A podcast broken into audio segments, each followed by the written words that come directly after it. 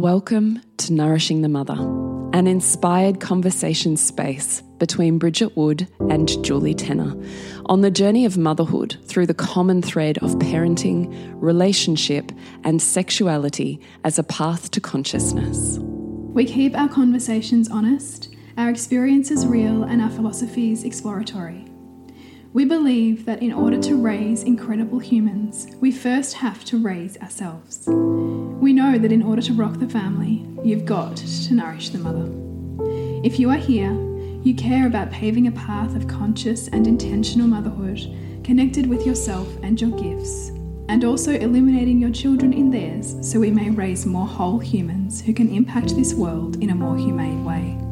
If you desire to integrate your learnings practically and supportively, head on over to bridgetwood.life or julietenner.love to go deeper. And for all live streamed, pre release podcasts and all our free content, head over to our free Facebook group, Nourishing the Mother with Bridget Wood and Julie Tenner. We are Julie Tenner and Bridget Wood, and we are so grateful you're here. Hello, and welcome to Nourishing the Mother. I'm Bridget Wood.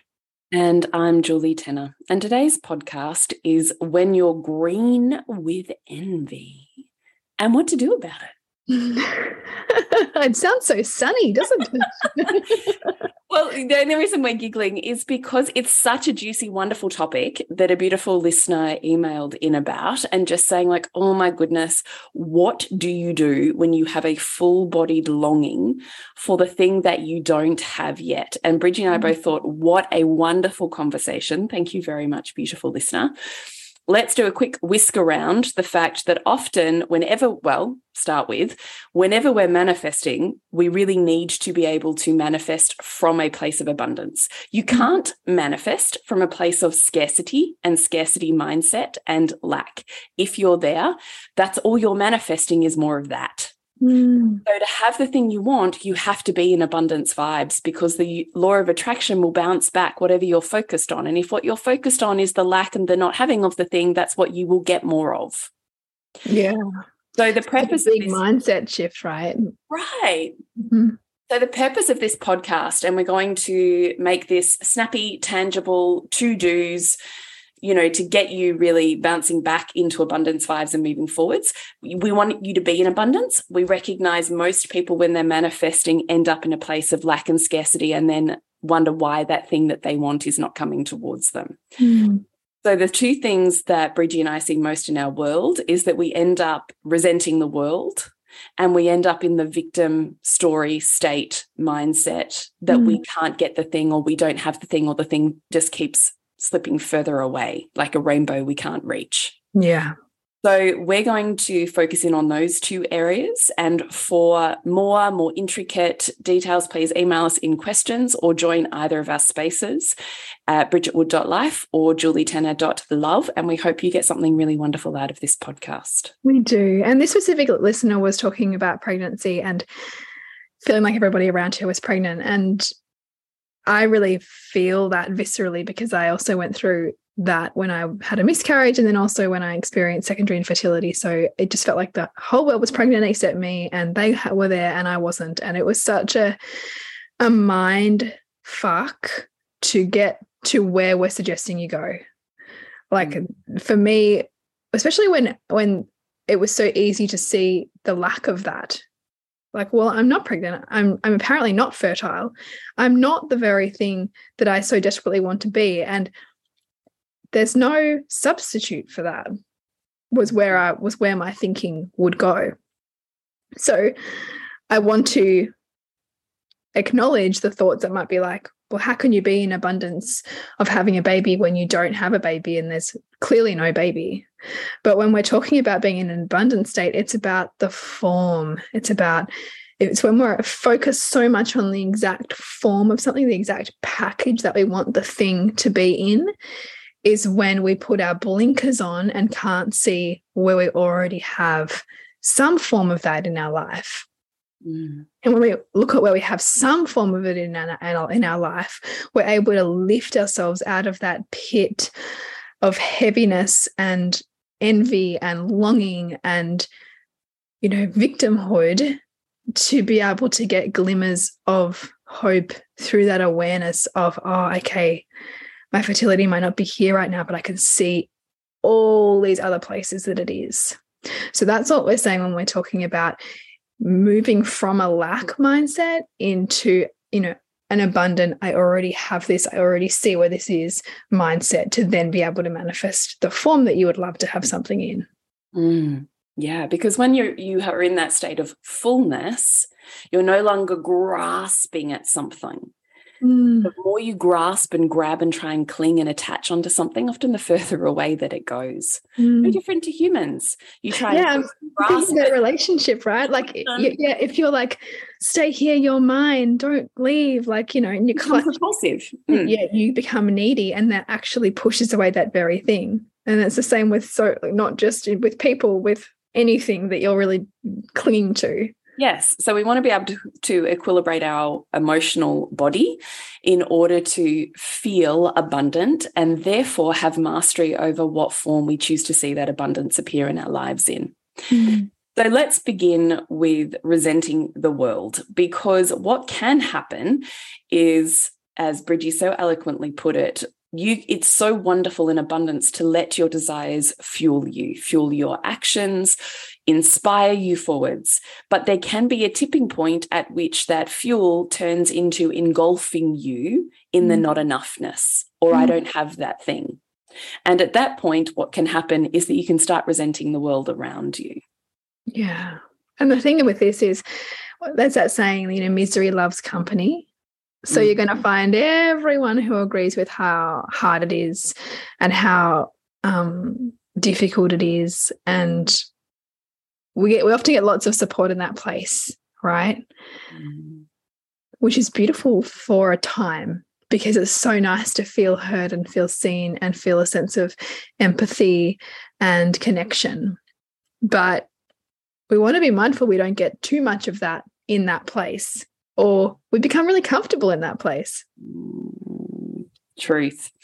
So, where we want to focus your um, tip, trick, action state to shift out of being resentful to the world is two steps of a process. One, we're asking you to do, and Bridgie will take us a little bit further into it in a moment, is where is it already?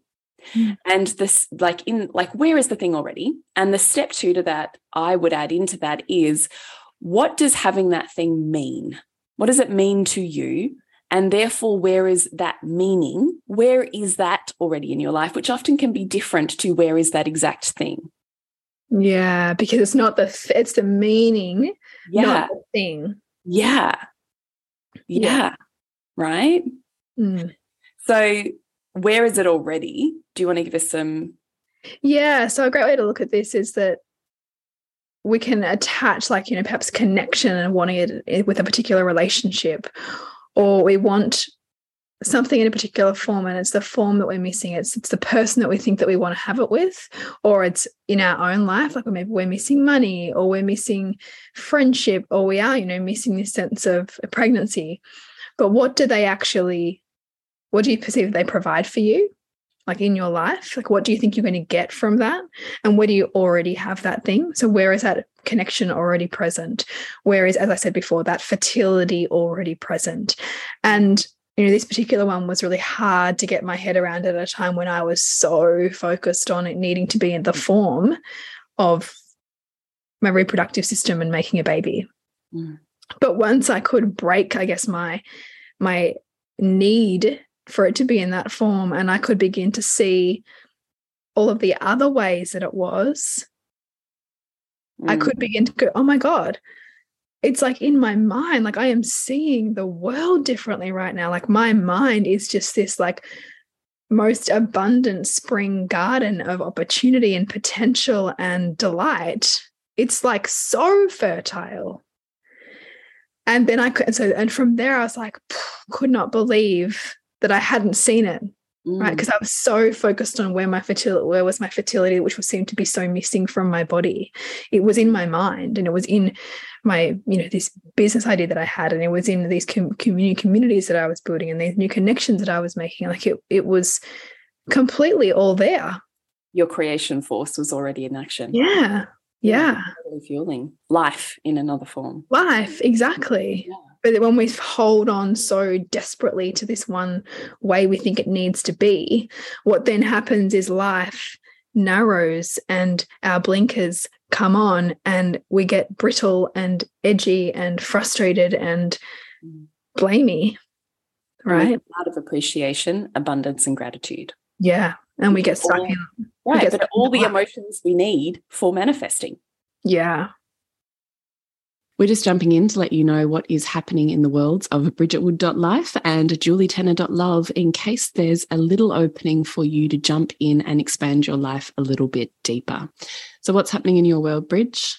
It's Disrupt Revealing the Mother Wound. So, it is a four module course supported by integration calls and a women's circle to really help you reveal the ways in which the mother wound is impacting your life right now and your parenting and provide you more freedom and spaciousness in your mothering journey. And you, Jules? Is Queen School. So Queen School is now a online course with four full modules that you are self-paced and work your way through, combined with 12 months of really stretching that out as I help you really integrate, embody, and move through the blocks so that you can literally become Queen School in your life. So Queen School is all about connection, pleasure, sensuality, magnetic communication, feminine energy, and embodiment with me over over now a beautifully integrated 12 month experience. So you can find out more at julietenner.love. So you and I have talked many times in different podcasts just to give up listeners other ideas. Like, okay, God, I don't have, you know, money in my bank account. Where's I don't have it. I would love a million dollars. Can I just win the lotto? Mm. As opposed to where already is my million dollars? Where does my million dollars already exist? Mm. Well, you and I have both said many times in this podcast, our million dollars existed in our parenting, in our family units, in our relationships, in our communities, in yeah. our health and well-being, in our fertile and you know awakened minds, mm-hmm. in our learning. Like look for all of the areas where your million dollars exists. I can tell you, working with so many couples that struggle so hard in various forms of dysfunctional relationships, how much would you pay to have a beautiful relationships? How much would you pay? Oh, like wouldn't it be like priceless? Like, how do you even right. put a price on it? Right. But even if you could put a price on it, like yeah. for each of us, it might be like, look, oh, look, if if my relationship was really super struggling and I knew that I could pay someone who was going to fix it and make it so super beautiful, I would easy put my house on the market and pay 750,000. Yeah. Well, there's three quarters of a million. Where's the other quarter of your million? If you've got a thriving relationship, let's say, there's your million dollars. Mm. So just really look at where is it already directly. Mm. And then, as Bridgie took us through just then, also is what does having a million dollars mean to you? Well, if hmm. I think about having a million dollars, what will that mean? Like, what's the point of wanting a million dollars? What will it mean? Mm. Well, it hmm. means I will no longer be in fight and flight. I'll be feeling really looked after and safe and secure. That's what it means to me. For every mm-hmm. one of us, it'll feel it'll mean something different. To me, it means safety and security. So, where in my life do I already have safety and security? So, this is why we want you to do the two step process yeah. to flip your perspective from resenting the world into recognizing your your mass abundance so you're free to manifest it in the form you want it. Mm, that second step is so great because what that immediately does is you go, oh gosh, like this thing that I'm attached to thinking I'm going to get from, say, the money, I can already see other areas of life where that's a natural state for me. Yeah. So I know I'm not in fight or flight in my relationship. I know I'm not in fight or flight in my parenting. So, wow, what are they worth to me? Oh, there's my abundance. Yeah. Or if someone said, sell me, let's say you could package up the feeling state that you have in your own little family unit bubble. And they said, right, I want to, I'll trade you that bubble so it can be transported onto my family. How much? Mm. How much would you charge to give up the beautiful family unit that you have? I mean, for many of us, that'll be priceless. Maybe for some of us, we could say, yeah, that, that would be a million dollars. So we just really want you to get creative with your thinking and think outside the box to really think and see the world wider than when it has narrowed into a state of resentment. Mm. Because ultimately we have the, the, the quest, you know, for example, if we're talking about money or wealth, the quest to build wealth is not just to build financial wealth. It's to build family wealth. It's to build wealth in our business and you know our skill set. It's to build wealth in our social connections. It's to build wealth in our spirituality, right? Like, so the quest for wealth is not just this one singular form of money. Mm. And so by asking this wider question, you then go, okay, well, what are all of the other ways that my abundance already exists? But that perhaps I don't value because it comes so naturally, or I don't value because I've empowered that and it's less exciting now. Yes. Yes. So, step number two we want to whiz you through here was when you find yourself in the victim state or the victim story, when you don't feel like you have power to change your experience. Mm.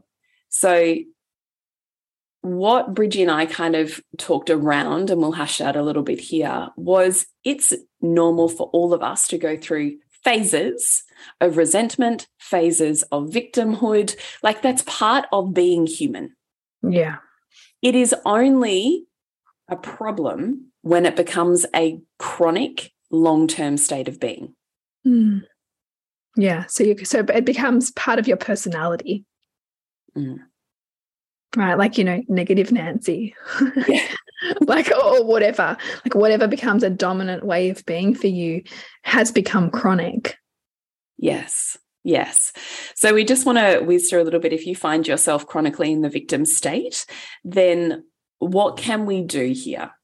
And Bridgie and I also just, and Bridgie, you take it away, but we were having a conversation before we hit record that we're talking about seasons of life which are outside of vulnerable stages of life.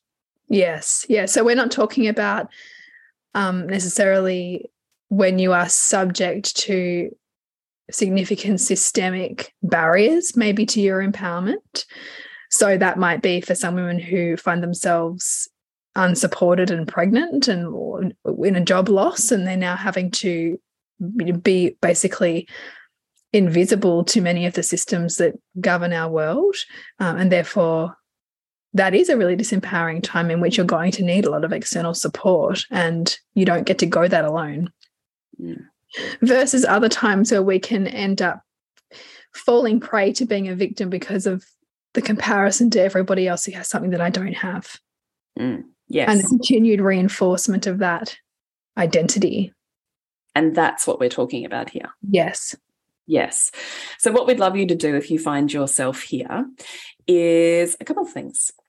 Firstly, we want you to get curious about your own state and way that you're viewing yourself and your situation and begin to ask okay, if I am here, I am bogged in this way of seeing, viewing myself, the world, my circumstances. And we are pleasure seeking, pain avoiding creatures at our core. Mm. Then, on some level, I am getting more pleasure than pain here.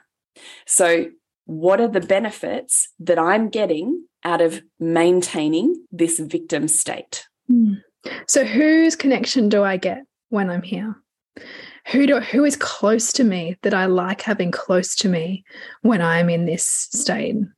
What do I not have to do that I don't want to do when I'm in this state?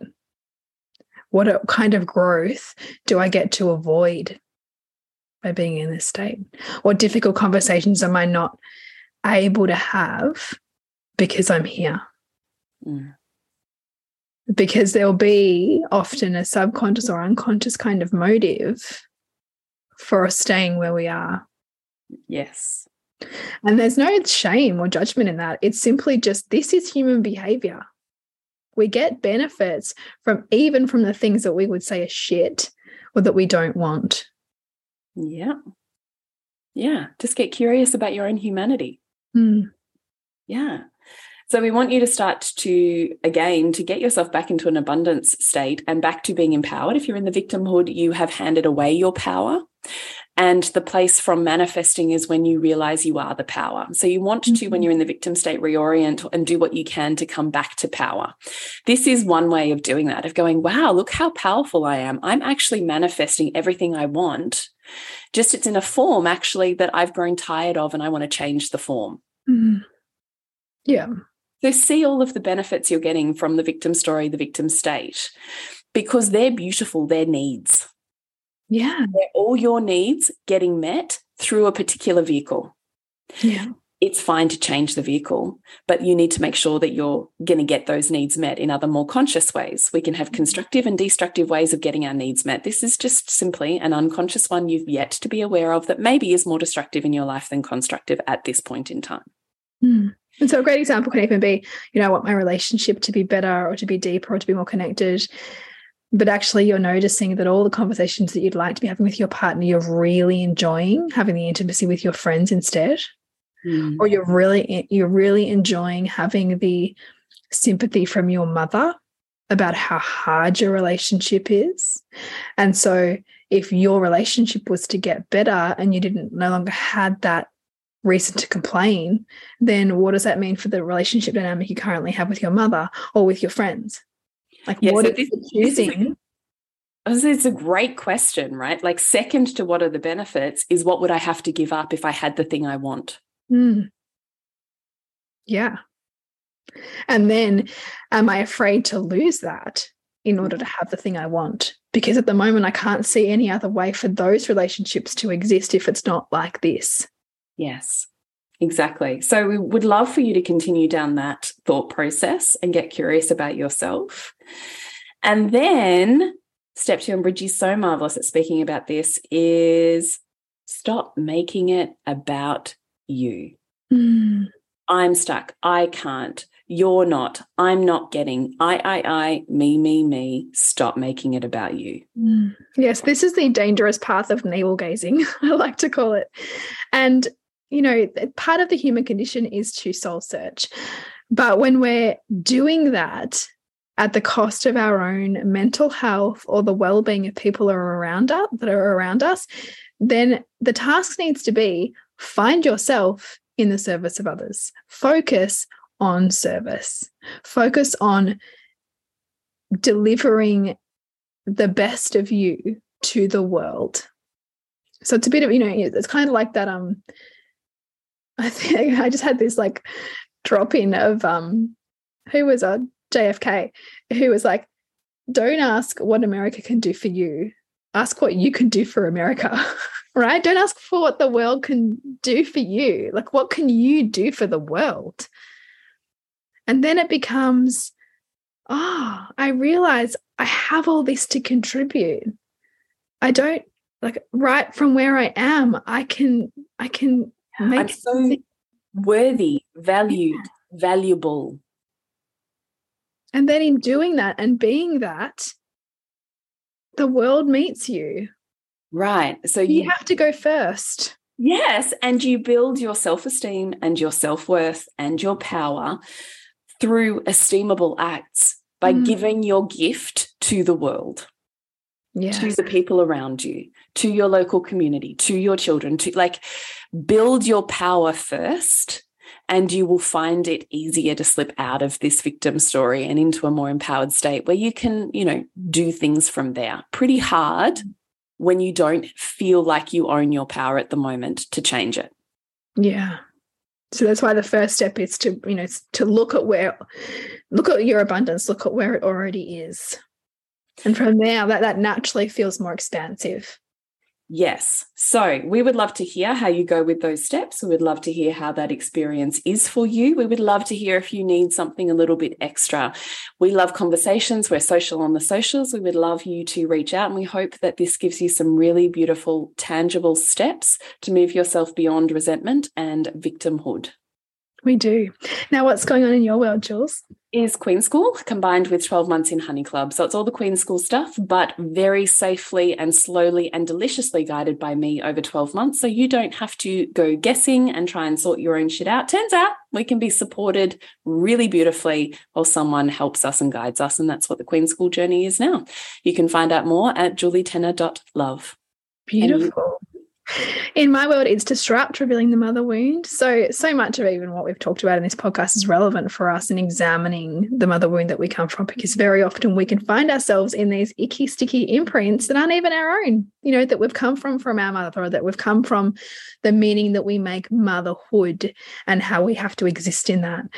It's not true. Turns out you get to shift it, you get to change it, you get to play around with it, but only when you look at it. So you can find out more about that at bridgetwood.life. We are Nourishing the Mother on Facebook and Instagram, nourishingthemother.com.au, and we would love to hear from you and see how this podcast went. If you think it's great, please share it with someone you know that would need it. And we hope you're having a beautiful day. Remember to nourish woman to rock the family. And we'll see you next week when we continue to peel back the layers on your mothering journey. Thank you so much for listening. We literally couldn't do this without you.